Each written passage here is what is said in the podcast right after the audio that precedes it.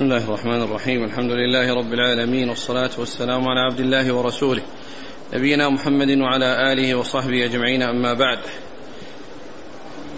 فيقول الإمام مسلم بن الحجاج القشيري النيسابوري رحمه الله تعالى في صحيح في كتاب الإيمان قال وحدثني محمد بن المثنى وعمرو بن علي وعقبة بن مكرم العمي قالوا حدثنا محمد بن أبي عدي عن سليمان التيمي عن نعيم بن أبي هند عن ربعي بن حراش عن حذيفة رضي الله عنه أن عمر رضي الله عنه قال من يحدثنا أو قال أيكم يحدثنا؟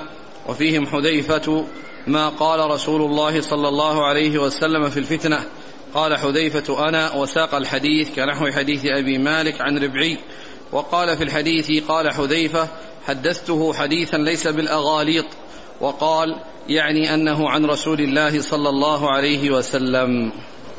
بسم الله الرحمن الرحيم، الحمد لله رب العالمين وصلى الله وسلم وبارك على عبده ورسوله نبينا محمد وعلى آله وأصحابه أجمعين أما بعد. فهذا الحديث هو آخر الأحاديث التي أوردها الإمام مسلم رحمه الله فيما يتعلق برفع الأمانة وبالفتن التي تحصل بعده صلى الله عليه وسلم وهو آه، أنه حدث عمر رضي الله عنه لما سأله عن الفتنة التي تموج كموج البحر وبينها وأخبر آه، أخبر حذيفة بأنه حدث به أناس يعني بعد ذلك وأنه قال في آخره حدثته حديثا ليس بالأغاليط يعني أنه عن النبي صلى الله عليه وسلم. يعني بذلك حذيفة أنه حدث عمر بحديث عن رسول الله صلى الله عليه وسلم. سمعه من رسول الله عليه الصلاة, والسلام. ليس بالأغاليط. يعني ليس هذا الذي حدثه به شيئا عن غير الرسول صلى الله عليه وسلم وإنما هو عن رسول الله عليه الصلاة والسلام. ليس بالأغاليط. يعني ليس بالكلام الغلط وليس بالكلام الذي يؤخذ عن أهل الكتاب أو غيرهم. مما لا تثبت صحته وإنما هذا شيء تلقاه عن رسول الله صلى الله عليه وسلم. وهذا فيه تأكيد أن هذا الذي حدثه به أنه عن رسول الله صلى الله عليه وسلم وليس عن غيره. والحديث سبق أن مر في الدرس الماضي. نعم. قال وحدثني محمد بن المثنى وعمرو بن علي وعقبة بن مكرم العمي. عمرو بن علي هو الفلاس. نعم. قالوا حدثنا محمد بن أبي عدي هو محمد بن إبراهيم. عن سليمان التيمي سليمان بن طرخان. عن نعيم بن أبي هند نعم. عن ربعي بن حراش عن نعم حذيفة عن عمر. نعم. قال حدثنا محمد بن عباد وابن أبي عمر جميعا عن مروان الفزاري. قال ابن عباد حدثنا مروان عن يزيد يعني ابن كيسان عن أبي حازم عن أبي هريرة رضي الله عنه قال قال رسول الله صلى الله عليه وسلم بدأ الإسلام غريبا وسيعود كما بدأ غريبا فطوبى للغرباء. ثم ذكر الإمام مسلم رحمه الله هذه الأحاديث التي تتعلق بغربة الإسلام وأنه بدأ غريبا وأنه يعود غريبا. ومعلوم أن الرسول عليه الصلاة والسلام لما بعثه الله كان يسلم معه الرجل والرجلان ويعني يزيد يعني شيئا فشيئا فكان غريبا يعني فيه غربة. و وسيعود وسيعود غريبا كما بدأ. أخبر عليه الصلاة والسلام أنه بدأ غريبا وأنه سيعود غريبا كما بدأ. وقال طوبى للغرباء. طوبى للغرباء هم الذين يثبتون على دينهم ويستقيمون على دينهم ويحافظون على دينهم ولو أصابهم ما أصابهم من المضرة ومن الجهد ومن النصب فإنهم يصبرون على على على دينهم ويحافظون عليه. فالبداية كما هو معلوم حصلت في قلة وفي غربة وسيعود الأمر بعد ذلك إلى إلى قلة وغربة وهذا في في زمنه صلى الله عليه وسلم وكذلك أيضا في الأزمان المتعددة التي ظهر الإسلام فيها ودخل فيها الإسلام فإن المسلمين آه، في غربة يعني مع الكفار الكثيرين الذين يكون في زمانهم وأنه سيؤول الأمر ويعود الأمر إلى أن أنه آه، تكون فيه غربة في, في آخر الأمر. تكون فيه غربة في أول الأمر وفي آخر الأمر. وقال عليه الصلاة والسلام طوبى للغرباء وطوبى فسرت بتفسيرات متقاربة. قيل إنها كمال الراحة وكمال الطمأنينة وغير ذلك وقيل إنها أن أنها اسم للجنة وأن الجنة هي للغرباء يعني هؤلاء الذين يتمسكون في دينهم في البداية ويتمسكون أيضا في دينهم في النهاية.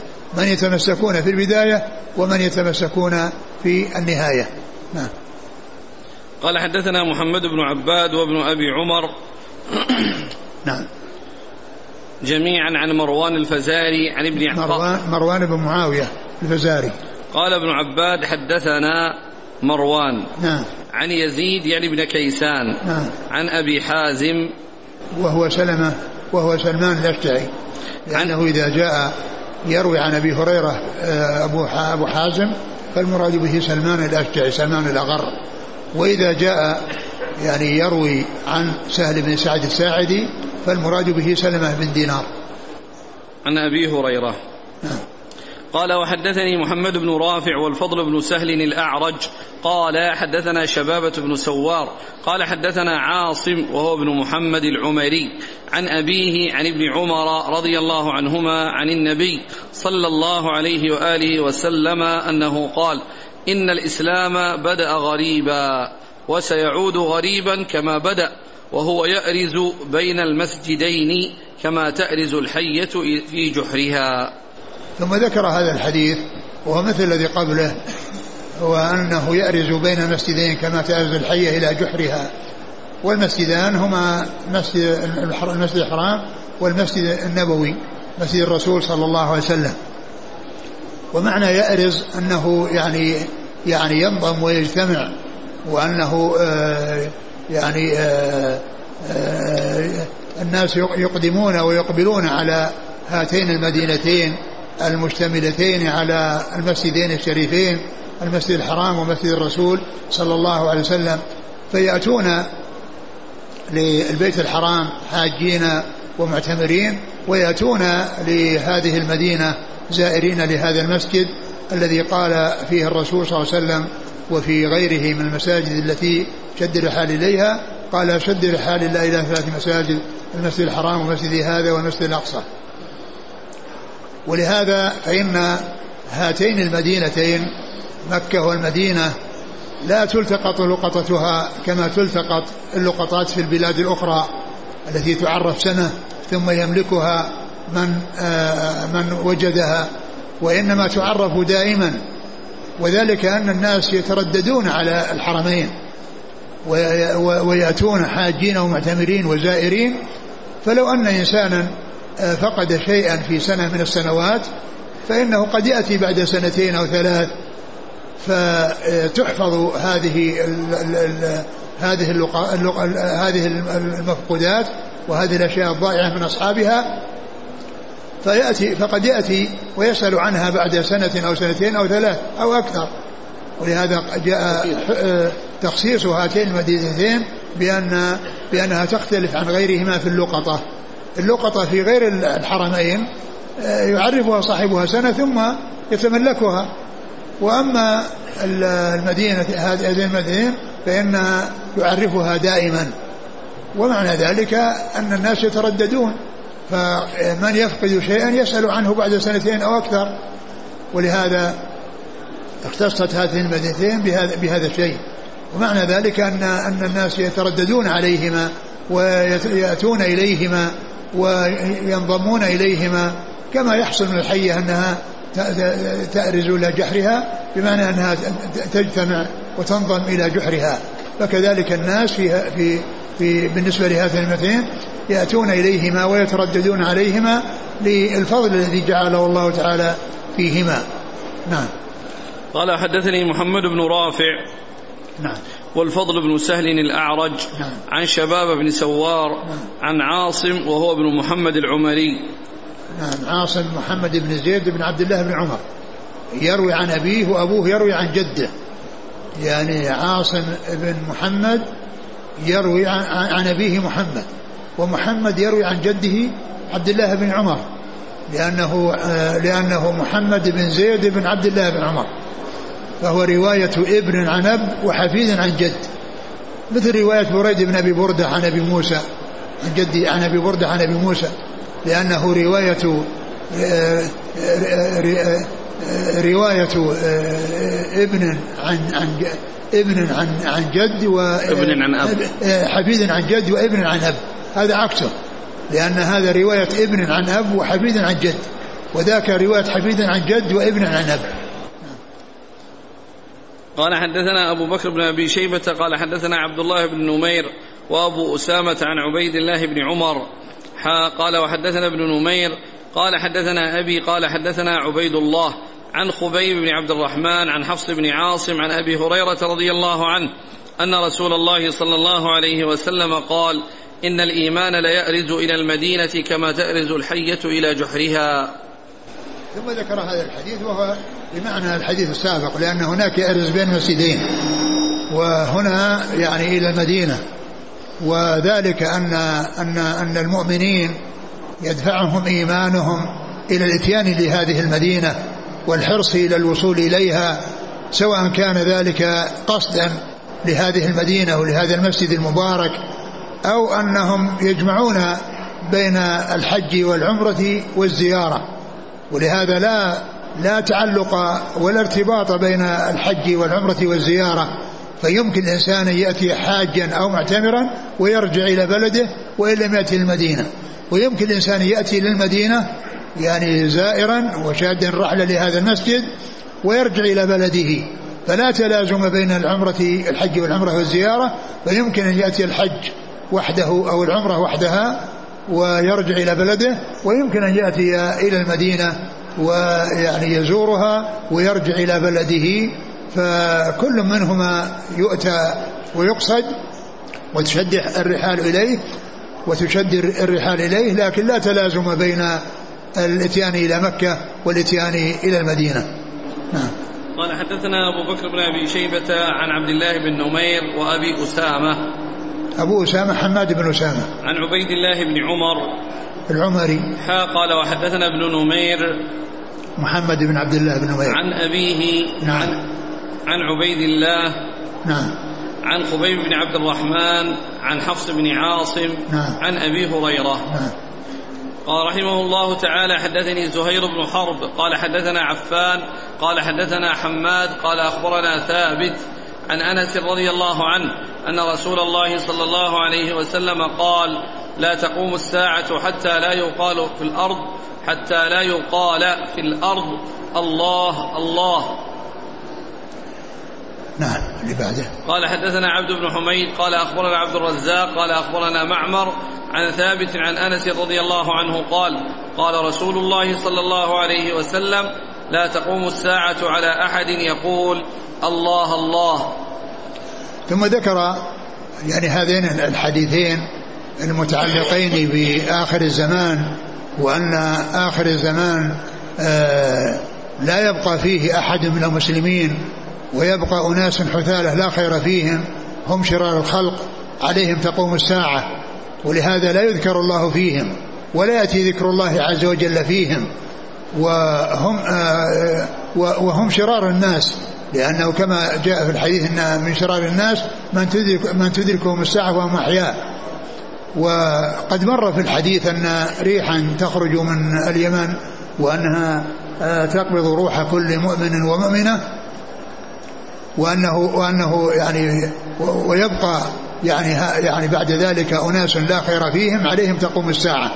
يبقى أناس لا خير فيهم تقوم عليهم الساعة. وهذا فيه أنهم لا يأتي ذكر الله على ألسنتهم. لا يأتي ذكر الله على ألسنتهم. آه، وهذا يعني لا ينافي ما جاء من قوله صلى الله عليه وسلم لا تزال طائفة من أمتي على الحق ظاهرين لا يضرهم من خذلهم ولا من خالفهم حتى يأتي أمر الله. فإن هذا إلى قرب قيام الساعة وليس إلى نهاية الساعة لأن هذا الحديث يدل على أن على أنه عند قرب قيام الساعة الذين يوجدون لا, لا, لا يذكر الله فيهم ولا يذكرون الله عز وجل وإنما هم حثالة لا خير فيهم.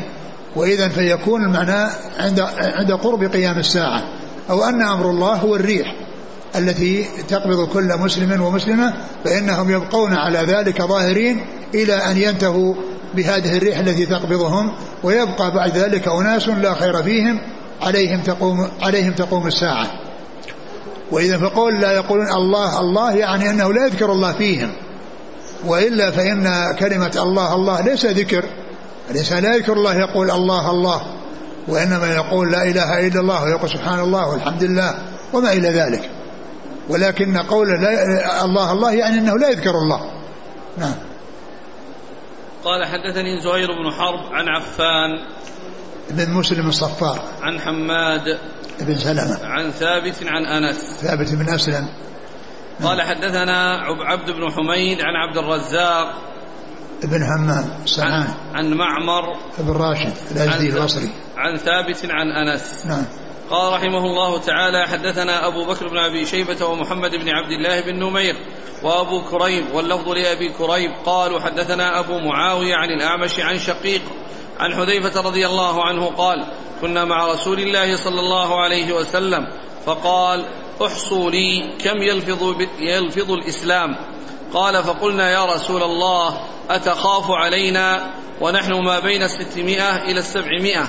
قال إنكم لا تدرون لعلكم أن تبتلوا, تبتلوا. قال فابتلينا حتى جعل الرجل منا لا يصلي إلا سرا. ثم ذكر هذا الحديث الذي فيه يعني آه، حصول الاستسرار بالإيمان وأن الواحد يعني يخاف نفسه وأنه قد يأتي زمان يكون الإنسان يعني يصلي في بيته ولا يأتي إلى المسجد يعني خشية على نفسه مما يقع من الفتن التي تقضي على الناس. فذكر هذا الحديث حذيفة عن رسول الله عليه الصلاة والسلام أنه قال أحصوا لي من يلفظ بالإسلام. يعني من يتلفظ بالإسلام ومن يكون مسلما؟ يعني من يشهد أن لا إله إلا الله وأن محمد رسول الله. أحصوا لي. فقالوا أتخاف علينا ونحن بين ونحن ونحن ما بين الستمائة إلى السبعمائة. ونحن ما بين الستمائة إلى إلى السبعمائة. يعني معناها أننا, أننا كثير وأن هذا العدد يعني كثير. فقال قال إنكم لا تدرون لعلكم أن تبتلوا. قال فابتلينا. قال إنكم لا تدرون لعلكم أن تبتلوا. يعني وإن كان هذا عددكم إلا أن أن أنكم قد تبتلون. وقال وقد ابتلينا حتى كان الواحد منا لا يصلي إلا سرا. نعم. حتى كان الواحد منا لا يصلي إلا سرا. يعني يخشى على نفسه بسبب الفتن التي آه، تقضي على الناس. والتي آه، يضطر الواحد من عندها أن يبقى في بيته وألا يخرج لئلا يتعرض لهذه الفتن ويصيبه شيء من من من من آثارها ومن أضرارها. لعلكم آه، تبتلون حتى يعني لا يصلي أحدكم إلا سرا. نعم. قال حدثنا أبو بكر بن أبي شيبة ومحمد بن عبد الله بن نمير وأبو كريب. أبو كريب محمد بن علاء بن كريب. واللفظ لأبي كريب قالوا حدثنا أبو معاوية محمد بن خازم.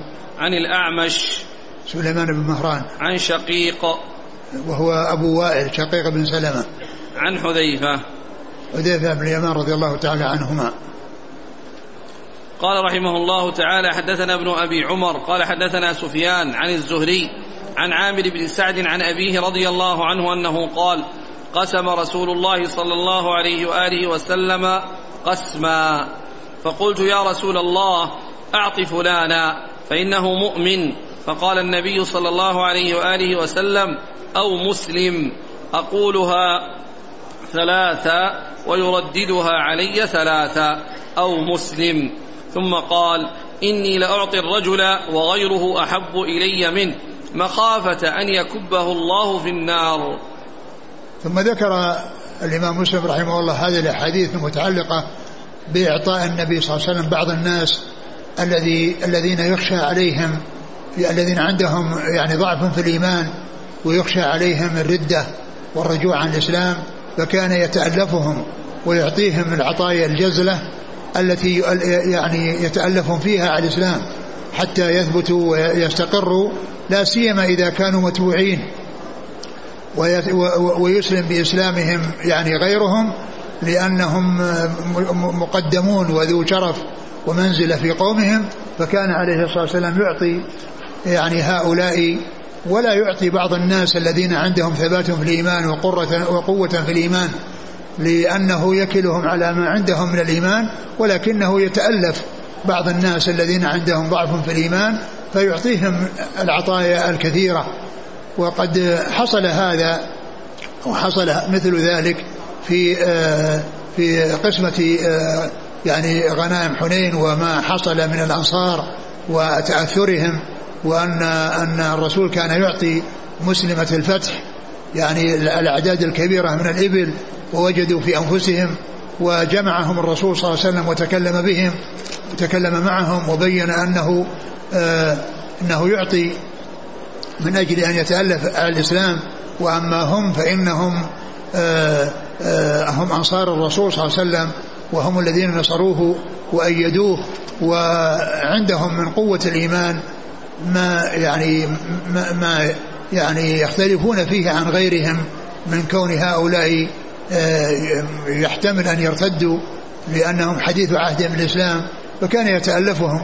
وأرضى الصحابة الأنصار رضي الله عنه بالكلام الجميل الذي قال لهم وقال أنتم شعار والناس دثار وبين آه، كلمة وأتى بكلام فيه بيان فضلهم ونبلهم رضي الله عنهم. هذا الحديث هنا أورده عن سعد بن أبي وقاص رضي الله عنه أن النبي صلى الله عليه وسلم أعطى يعني رهطا يعني جماعة وفيهم رجل آه، هو أعجبهم إليه. فكان أعطى ولم يعطه. فقال للرسول صلى الله عليه وسلم أعطيته أعطيتهم ولم تعطي فلان وهو مؤمن. الرسول قال أو مسلم. قال أو مسلم. هذا فيه الإشارة إلى أن كلمة الإيمان ووصف الإيمان هذه منزلة رفيعة. يعني آه، منزلة رفيعة ومنزلة عليا وأن الأصل الذي يدخل أو يشمل آه، كل من دخل في الإسلام هو الإسلام لأن الإسلام هو منزلة أقل من منزلة الإيمان. ولهذا يعني يستثنى في الإيمان ولا يستثنى في الإسلام. ما يقول أنا مسلم إن شاء الله ولكن يقول أنا مؤمن إن شاء الله. يعني أن الإيمان درجة عالية. فإما يقول إن شاء الله ويقول أرجو. وأما إذا قيل مسلم ما يقول آه، أرجو أن أكون مسلما أو وإنما يقول أنا مسلم. ولا يستثني. لأن الإسلام هو المنزلة الدنيا يعني التي من دخلها عصم دمه وماله وأما الإيمان فهو كمال يعني أكثر من من مجرد الإسلام. ولهذا جاء مثل ذلك في القرآن قالت الأعراب آمنا قل لم تؤمنوا ولكن قلوا أسلمنا ولما يدخل الإيمان في قلوبكم. ولما يدخل الإيمان في قلوبكم فإذا هناك فرق بين الإسلام والإيمان ودرجة الإسلام أنزل من درجة الإيمان. كما أن درجة الإيمان أنزل من كلمة الإحسان درجة الإحسان أنزل من درجة الإحسان. ومن كان مؤمنا فهو مسلم. كل مؤمن مسلم وليس كل مسلم مؤمنا لأن الإيمان كمال وليس كل يحصل الكمال وليس كل يحصل الكمال. ولهذا كما قلت يستثنى في الإيمان ولا يستثنى في الإسلام لأن الإسلام هو الأصل الذي يكون به الدخول في الإسلام. ومن قال أنا مؤمن يعني من السلف ولم يستثني فإن ذلك يرجع إلى أصل الإيمان الذي هو الإسلام. وليس التزكية الذي هو الكمال الذي هو الكمال وإنما كانوا إذا قيل أنا مؤمن يقول أرجو أو مؤمن أنا مؤمن إن شاء الله. وأما الإسلام فإنه لا يقال فيه لا يؤتى فيه بالاستثناء. ف سعد رضي الله عنه قال أو قال إنه مؤمن قال الرسول أو مسلم. يعني ينبهه إلى أن كلمة الإسلام هي الأساس الذي يعني يندرج تحته كل من دخل في الإسلام. بخلاف الإيمان فإنه لا يحصل إلا من هو في, في, في الكمال. وهو تنبيه له على أن التزكية وأن الوصف العالي أن أنه لا يصار إليه وإنما يصار إلى الأصل الذي هو الدخول في الإسلام. والكمال آه، شيء يتفاوت الناس فيه ولا يحصل لكل أحد. فكرر عليه سعد رضي الله عنه وكل ذلك يقول الرسول صلى الله عليه وسلم آه، أو مسلم ثم بين عليه الصلاة والسلام السبب الذي كونه يعطي يعني آه، من يعطي تألفا له وخشية عليه من أن أن يكبه الله في النار بأن يعني يرجع إلى الكفر. وأن ليس عنده قوة الإيمان فيرتد فيكون مآله إلى النار ولردته فما كان قوي الإيمان فإنه لا يعطى مثل ما يعطى من هو ضعيف الإيمان ومن يتألف عليه لا سيما إذا كان متبوعا وكان غيره تابع له فإن ذلك فإن الأتباع يتبعون الرؤساء ويتبعون من كانوا ذوي منزلة.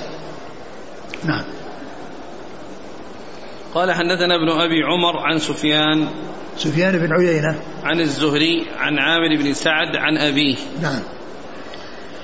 قال حدثني زهير بن حرب قال حدثنا يعقوب بن إبراهيم قال حدثنا ابن أخي ابن شهاب عن عمه قال أخبرني عامر بن سعد بن أبي وقاص عن أبيه سعد رضي الله عنه أن رسول الله صلى الله عليه وآله وسلم أعطى رهطا وسعد جالس فيهم. قال سعد فترك رسول الله صلى الله عليه وآله وسلم منهم من لم يعطه وهو أعجبهم الي فقلت يا رسول الله ما لك عن فلان؟ فوالله إني لأراه مؤمنا. فقال رسول الله صلى الله عليه وسلم أو مسلما. قال فسكت قليلا ثم غلبني ما أعلم منه. فقلت يا رسول الله ما لك عن فلان؟ فوالله إني لأراه مؤمنا. فقال رسول الله صلى الله عليه وآله وسلم أو مسلما. قال فسكت قليلا ثم غلبني ما علمت منه. فقلت يا رسول الله ما لك عن فلان؟ فوالله إني لأراه مؤمنا. فقال رسول الله صلى الله عليه وسلم أو مسلما. إني لا أعطي الرجل وغيره أحب إلي منه. خشية أن يكب في النار على وجهه. ثم ذكر هذا الحديث هو مثل الذي قبله وهو أن الرسول صلى الله عليه وسلم يعطي الرجل وغيره أحب إليه منه خشية أن يكب في النار على وجهه. يعني هذا الذي أعطاه وهو ضعيف الإيمان أو حديث عهد بالإسلام يعني يخشى عليه أن يرتد وأن يعني يموت على الردة فيكبه الله في النار على وجهه ويكون من أهل النار. فهذا شأنه صلى الله عليه وسلم يتألف على الإسلام.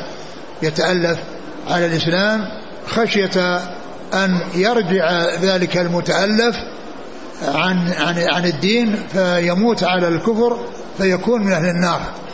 فهو مثل الذي قبله وكرر آه، قوله إنه إنه يراه مؤمنا والرسول يقول أو مسلما كما مر في الرواية السابقة يعني ثلاث مرات. نعم. قال حدثني زهير بن حرب عن يعقوب بن إبراهيم عن ابن أخي بن شهاب. آه، هو عبد الله هو محمد بن عبد الله.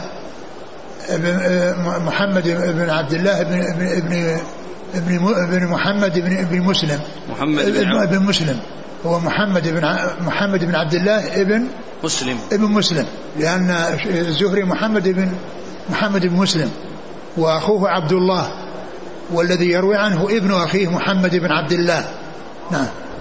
عن عمه نعم. عن عامر بن سعد بن وقاص عن أبيه. نعم.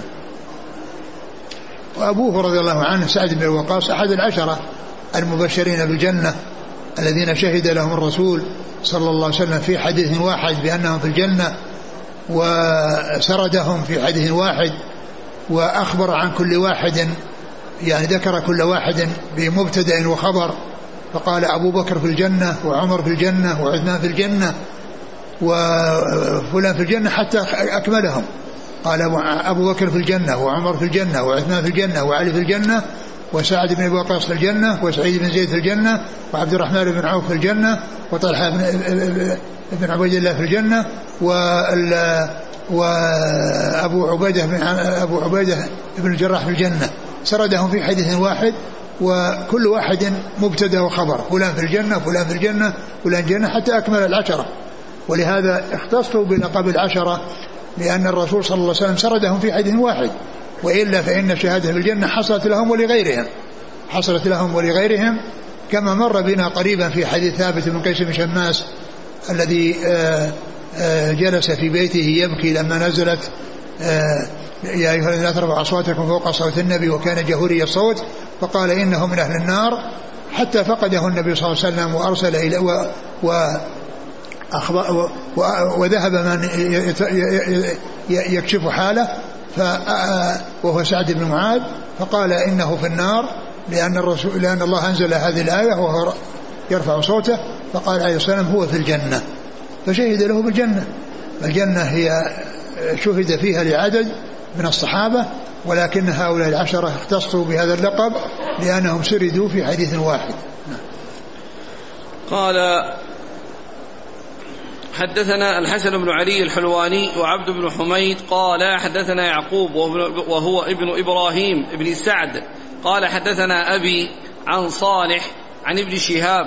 قال حدثني عامر بن سعد عن أبيه سعد رضي الله عنه أنه قال أعطى رسول الله صلى الله عليه وآله وسلم رهطا وأنا جالس فيهم بمثل حديث ابن أخي ابن شهاب عن عمه وزاد فقمت إلى رسول الله صلى الله عليه وسلم فساررته فقلت ما لك عن فلان نعم وهذا مثل الذي قبله وقال إنه ساره يعني في هذا الكلام الذي يتعلق يعني بهذا الشخص. قال حدثنا الحسن بن علي الحلواني وعبد بن حميد عن يعقوب وهو ابن إبراهيم بن سعد عن أبيه عن صالح. صالح بن كيسان. عن ابن شهاب عن عامر بن سعد عن أبيه. نعم. قال وحدثنا الحسن الحلواني قال حدثنا يعقوب قال حدثنا أبي عن صالح عن إسماعيل بن محمد قال سمعت محمد بن سعد يحدث هذا فقال في حديثه فضرب رسول الله صلى الله عليه وسلم بيده بين عنقي وكتفي. ثم قال أقتالا؟ أي سعد إني لأعطي الرجل. ثم ذكر هذا الحديث من طريق أخرى عن محمد بن سعد. الطرق السابقة عن عامر بن سعد وأما هذا هو عن محمد بن سعد. وهما أخوان ابن سعد بن أبي وقاص رضي الله تعالى عنه. وهو مثل الذي قبله إلا أنه قال ضرب يعني ب ب ب يعني على عنقه يعني بين كتفه وعنقه وقال أقتالا؟ يعني أن هذا التكرار وهذا المدافعة وهذا الكلام يعني كان في شدة وحرص شديد فقال أقتالا يعني أن أنك آه، تكرر هذا الكلام وتأتي به مكررا كأن في كأنك يعني فيه مدافعة وفيه يعني حرص شديد فعبر عنه بقوله أقتالا. نعم. قال وحدثنا الحسن الحلواني عن يعقوب عن أبيه عن صالح نعم. عن إسماعيل بن محمد نعم. عن محمد بن سعد نعم. قال رحمه الله تعالى وحدثني حرملة بن يحيى قال أخبرنا ابن وهب قال أخبرني يونس عن ابن شهاب عن أبي سلمة بن عبد الرحمن وسعيد بن المسيب عن أبي هريرة رضي الله عنه أن رسول الله صلى الله عليه وآله وسلم قال نحن أحق بالشك من إبراهيم صلى الله عليه وسلم إذ قال رب أرني كيف تحيي الموتى. قال أولم تؤمن؟ قال بلى ولكن ليطمئن قلبي. قال ويرحم الله لوطا. لقد كان يأوي إلى ركن شديد.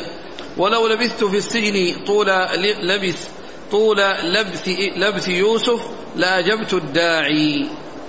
ثم ذكر هذا الحديث الذي يتعلق بثلاثة من الأنبياء عليهم الصلاة والسلام. في إبراهيم ولوط ويوسف عليهم, عليهم الصلاة والسلام. فقال في أوله نحن أولى بالشك من إبراهيم. نحن أولى بالشك من إبراهيم. إيش بعد؟ قال ربي أرني كيف تحيي الموتى قال ربي أرني كيف تحيي الموتى. نحن أولى بالشك.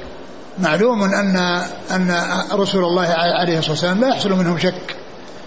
لا يحصل منهم شك في قدرة الله وأن الله على كل شيء قدير.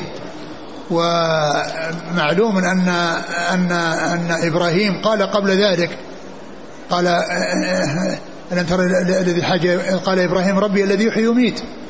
فهو نفسه أخبر أو تكلم بهذا الكلام وأن الله تعالى يحيي ويميت. والله تعالى قادر على كل شيء وهو الذي يحيي وهو الذي يحيي ويميت سبحانه وتعالى. ولكن الذي حصل من إبراهيم عليه الصلاة والسلام أنه أراد أن يعرف الكيفية أو يقف على الكيفية التي يكون بها يعني إحياء الموتى. يعني كيف يعني يكون إحياء الموتى؟ ومعلوم أن إحياء الموتى يكون بجمع الشتات المتفرق من الميت حتى يعود كما كان. يعني وليس إحياء الموتى بأنه يخلق خلقا جديدا لا علاقة له بالخلق الأول وإنما نفس الخلق الأول الذي كان موجودا في الدنيا هو الذي يعاد. وذلك ليحصل الثواب له والعقاب والعقاب العقاب له. لأن الجسد الذي أحسن هو الذي آه، يثاب والجسد الذي أساء هو الذي يعاقب. وليس جسدا جديدا لا وجود له في الدنيا. فهذه الكيفية أو هذه التي يكون بها الخلق. ولهذا قال الله عز وجل قد علمنا ما تنقص الأرض منهم. يعني الله عز وجل علم ما تنقص الأرض من أجسادهم فيعيدها. يعني ذرات حتى يرجع كل ذرة إلى مكانها ثم يعني يكون خلق الإنسان الخلق الجديد. يعني وهو مطابق للخلق الأول الذي يعني ليس خلقا جديدا يختلف عما كان في الدنيا. يعني حتى يحصل الثواب لمن أحسن والعقاب لمن أساء ولا يحصل الثواب لجسد جديد لا وجود له في الدنيا والعقاب لجسد جديد لا, لا وجود له في الدنيا وإنما يكون لمن حصل منه الإحسان الإحسان ولمن حصل منه الإساءة العقوبة على على على إساءته. فإذا آه، إبراهيم عليه الصلاة والسلام ما سأل أو ما شك في في خلق الله عز وجل وأنه قادر على كل شيء وهو قادر على كل شيء وهو يعلم أن الله على كل شيء قدير ولكنه أراد أن يحصل مع يعني علمه بقدرة الله عز وجل على كل شيء أن يعرف الكيفية التي يكون بها يعني آه، الخلق. ولهذا لما قال له أولم تؤمن؟ قال بلى. يعني ما وهذا ليس شأن الشاك. وعلى هذا فقد آه، آه، كثر كلام العلماء في معنى الشك. فمنهم من قال نحن أولى بالشك من إبراهيم يعني لو شك وهو لم يشك فنحن لم يشك لم نشك.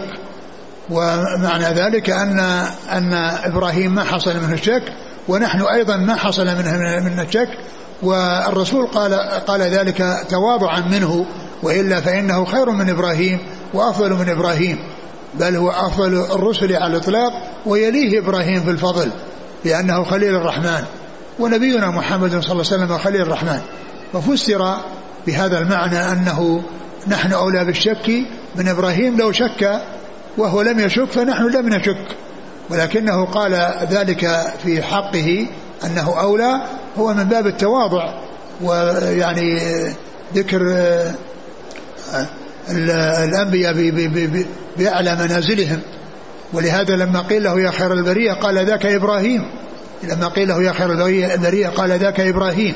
وهذا من تواضعه صلى الله عليه وسلم وذكره أنبياء الله ورسله يعني بما بما يليق بهم فصلوات الله وسلامه وبركاته عليه. وإذا فسؤال إبراهيم عليه الصلاة والسلام إنما هو لبيان الكيفية التي يكون بها حتى يجتمع مع يعني علم اليقين عين اليقين يعني بما يشاهده ويعاينه فأمره الله عز وجل أن يأخذ أربعة من الطيور فيذبحها ويقطعها ويجعلها كلها كتلة واحدة. اختلط بعضها ببعض. ثم يأخذ قطعة من هذه الكتلة التي هي آه، مجموع آه، لحم هذه الطيور ويجعل على كل جبل منهن جزءا. ثم يدعوهن فيأتينه سعيا. يعني مناه كل ذرة وكل قطعة تذهب إلى مكانها من الطير الذي أخذت منه. حتى يرجع الطير على على هيئته وعلى حالته فيأتي إلى إبراهيم سعيا. فهذا هو الذي سأله إبراهيم. ولم يكن شاكا في قدرة الله عز وجل وإنما أراد أن يعرف الكيفية التي يكون بها خلق الموتى ويكون فيها إعادة الموتى. وأنهم يعودون كما كانوا. وهذا من جنس جاء فيه آيات وأحاديث تدل على إعادة المخلوق آه، كما كان كما جاء في قصة الرجل الذي آه، أمر بنيه بأن إذا مات يحرقوه ويذر جزءا منه في البر وجزءا منه في البحر ثم يعني من من من, من الخوف ومن الذعر الذي حصل له يعني ظن أنه بذلك يسلم وينجو. فالله تعالى أمر البحر بأن أخرج ما فيه والبر أخرج ما فيه حتى عاد على ما كان على هيئته. فاذا هذه إعادة الخلق. وعلى هذا على هذا فإن الحديث ليس فيه شك من إبراهيم وليس فيه شك من محمد صلى الله عليه وسلم بل هم أكمل الناس إيمانا عليهم الصلاة والسلام. وإنما هذا من باب آه، أن هذا لم يحصل ولو أنه حصل لكان كذا وكذا. ومن باب أيضا آه، إرادة حصول عين اليقين مع علم اليقين. ولم يكن إبراهيم عليه السلام شاكا في قدرة الله بل هو الذي قال قبل آيات قليلة أو قبل آيتين آآ آه، آآ أن, أن, أن الله عز وجل هو الذي يحيي ويميت. ألم ترى الذي حاج إبراهيم من قال قال إبراهيم إن, إن ربي الذي يحيي ويميت.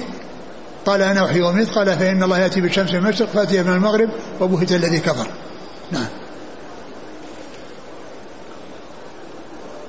ورحم الله ويرحم الله نعم. لوطا. ثم قال ويرحم الله لوطا. لقد كان يأوي إلى ركن شديد. يعني وهو الله عز وجل. ومعلوم أن لوطا عليه السلام يأوي إلى الله. وأنه يعني مرجعه إلى الله وتعويله كله على الله عز وجل وإنما الذي حصل منه بقوله لو أن لي بكم قوة أو آوي إلى ركن شديد يعني يعني لو كان له يعني أناس من من عشيرته يعني يؤيدونه ويساعدونه ولم يقل ذلك يعني شاكا في قدرة الله أو ليس معتمدا على الله وإنما أراد من ذلك أن يعني يسمع أضيافه حرصه على يعني سلامتهم وعدم تعرضهم لهذا السوء الذي أراده به أراد أرادهم به قومه. آه ف فقال ما قال آه، تطيبا لخواطرهم وأنه ليس عنده وإلا فكلهم يعني يرجعون إلى الله الملائكة كلها قوتهم من قوة الله وكذلك آه، آه، آه، لوط إنما تعويله على الله عز وجل وليس على غيره لكن هذا كما قالوا إن هذا من باب يعني إظهار يعني الإكرام للضيوف وحرصه على تعرض عدم تعرضهم للأذى ثم قال ولو لبثت يعني ما لبث يوسف ليش؟ لأجبت الداعي. لأجبت الداعي. يعني لو يعني وكل هذا يعني بيان لعظيم منازل الأنبياء وإكرامهم وذكرهم بالجميل اللائق بهم وإلا فإن الرسول صلى الله عليه وسلم أفضل منهم وأعظم منهم أفضل منهم وأشرف وأشرفهم وخيرهم على الإطلاق صلوات الله وسلامه وبركاته عليه. والمقصود بالداعي أي الذي جاء إلى إلى يوسف وهو في السجن يريد أن يخرج معه من السجن لأن الملك قد أرسله. فقال ارجع إلى ربك فاسأله ما بال النسوة الذي قطعن أيديهن. يعني أنه أراد أن أن دخوله في السجن بسبب يعني تلك التهمة التي حصلت له فأراد أن يعني يكون خروجه بعد معرفة براءته من هذا الذي آه، اتهم به وأدخل السجن ظلما بسببه. نعم.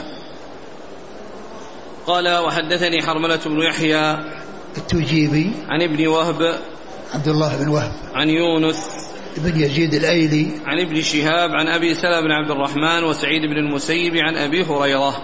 أبو سلمة بن عبد الرحمن وسعيد المسيب هم من الفقهاء السبعة في المدينة في عصر التابعين. أما سعيد فهو منهم بلا بلا خلاف وأما أبو سلمة فإن فيه يعني في السابع منهم ثلاثة أقوال قيل أبو سلمة وقيل أبو بكر عبد الرحمن بن عوف وقيل سالم بن عبد الله بن عمر وأبو سلمة هذا هو أحدهم على أحد الأقوال الثلاثة السابع منهم وأما سعيد فهو واحد من الستة المتفق على عدهم في الفقهاء السبعة. قال وحدثني به إن شاء الله عبد الله بن محمد بن أسماء الضبعي. قال حدثنا جويرية عن مالك عن الزهري أن سعيد بن المسيب وأبا عبيد أخبراه عن أبي هريرة رضي الله عنه عن رسول الله صلى الله عليه وسلم بمثل حديث يونس عن الزهري وفي حديث مالك ولكن ليطمئن قلبي. قال ثم قرأ هذه الآية حتى جازها. ثم ذكر هذا الحديث في طريق أخرى وأنه عندما يعني حصل ما حصل يعني قرأ الآية حتى جازها يعني حتى تجاوزها وحتى أكملها. نعم. قال وحدثني به إن شاء الله عبد الله بن محمد بن أسماء الضبعي. قوله قول مسلم هنا حدثني به إن شاء الله. يعني هذا لا يؤثر على الحديث لأن الحديث جاء من طرق متعددة وإنما هذا جاء في المتابعات. يعني فليس هو الأساس الذي يعتمد عليه وقد قال فيه إن شاء الله لأن التعويل على غيره مما يعني ليس فيه تردد وإنما ذكره للمتابعة ولأنه موافق لغيره فلم يكن التعويل عليه حتى ينتقد وإنما هذا من باب المتابعات التي تكون يعني جاء من طرق ثابتة وطرق صحيحة لا إشكال فيها فيذكر في المتابعات من يكون ما يكون أقل من غيره رتبة. لكن ليس التعويل عليه وإنما التعويل على غيره. نعم. عبد الله بن محمد بن أسماء الضبعي عن جويرية. جويرية بن أسماء جويرية بن أسماء الضبعي وجويرية بن أسماء يعني اسمه واسم أبيه يعني من أسماء مماثلة لأسماء النساء. جويرية يعني معروف أن هذا من أسماء النساء. وأسمى من أسماء النساء فكان هذا الرجل وأبوه آه، آه، آه، أسماءهما موافقة ومماثلة لأسماء النساء. عن مالك عن الزهري عن سعيد بن المسيب وأبي عبيد. أبو عبيد هو سعد بن عبيد مولى بن أزهر. نعم. عن أبي هريرة. نعم. قال حدثناه عبد بن حميد قال حدثني يعقوب يعني ابن إبراهيم بن سعد قال حدثنا أبو أويس عن الزهري كرواية مالك بإسناده وقال ثم قرأ هذه الآية حتى أنجزها. يعني قال هذه الرواية مثل التي قبلها إلا أن قال حتى أنجزها. يعني أكملها وأتمها. أكملها وأتمها وأتى على آخرها. هناك جازها يعني أكملها وتعداها إلى غيرها يعني وصل إلى غيرها وهنا قال حتى أنجزها يعني أتمها وأكملها يعني ذكرها إلى آخرها. قال حدثناه عبد بن حميد عن يعقوب يعني بن إبراهيم بن سعد عن أبي أويس. هو؟ عبد الله بن عبد الله بن أويس الأصبحي. نعم. عن الزهري كرواية مالك بإسناده. نعم. قال رحمه الله تعالى حدثنا قتيبة بن سعيد قال حدثنا ليث عن سعيد بن أبي سعيد عن أبيه عن أبي هريرة رضي الله عنه أن رسول الله صلى الله عليه وسلم قال ما من الأنبياء من نبي إلا قد أعطي من الآيات ما مثله آمن عليه البشر وإنما كان الذي أوتيت وحيا أوحى الله إلي فأرجو أن أكون أكثرهم تابعا يوم القيامة. والله تعالى أعلم وصلى الله وسلم وبارك على عبده ورسوله نبينا محمد وعلى آله وأصحابه أجمعين. جزاكم الله خيرا وبارك الله فيكم. ألهمكم الله الصواب ووفقكم للحق شفاكم الله وعافاكم ونفعنا الله بما سمعنا غفر الله لنا ولكم وللمسلمين أجمعين. آمين آمين. يقول أحسن الله إليك هل يجوز الاستدلال بهذا الحديث؟ ما ذكر عن إبراهيم. على جواز الإعجاز العلمي ليطمئن المؤمن بذلك. كون الإنسان يعني يتعلم العلم ويعرف الحق والهدى لا شك أن, أن, أن هذا مطلوب. أقول لا شك أن هذا مطلوب من كل أحد أنه يتفقه في الدين. ولكنه كما هو معلوم على الكفاية بالنسبة للعلوم العامة وأما الخاصة التي تتعين على كل مسلم مسلمة معرفتها مثل ما يتعلق بالصلاة والطهارة فإن هذا لا يعذر فيه أحد. وأما غيره فهو على الكفاية. ولا شك أن أن أن كون الإنسان يعني يتفقه في الدين ويكون على معرفة في الدين وانشغال في الدين لا شك أن هذا أمر مطلوب. يقول هل يجوز أن أزيد في الدعاء في سجودي؟ عندما أقول سبحانك اللهم وبحمدك اللهم اغفر لي أزيد ولوالدي. نعم للإنسان أن يدعو لوالديه يدعو لوالديه لكن يأتي بهذا الدعاء الذي ورد كما كان ويدعو لوالديه. يقول اللهم اغفر لي ولوالدي ومن يريد أن يدعو له يدعو له له ولغيره. لكن الذي ورد يعني يأتي به كما كان. سبحانك اللهم وبحمدك اللهم اغفر لي. فيجمع بين الذكر والدعاء لأن لأن سبحانك اللهم ذكر واللهم اغفر لي دعاء.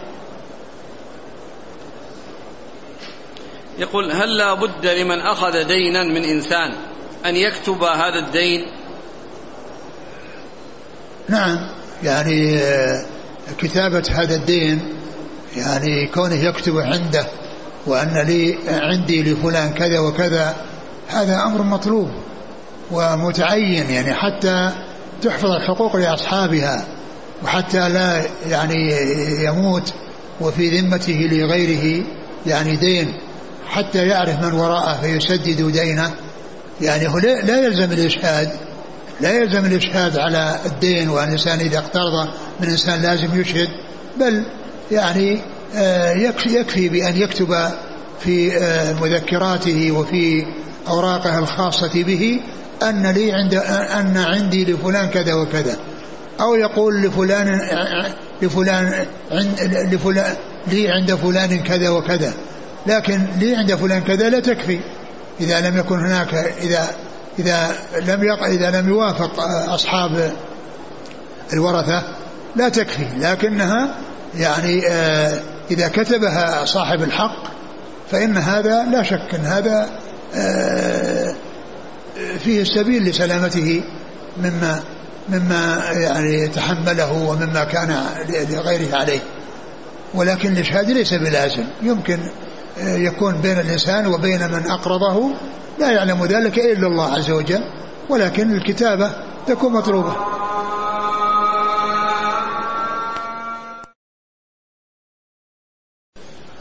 نعم. تتمة السؤال يقول وهل لا بد أن يكون ذلك الدين إلى أجل معلوم؟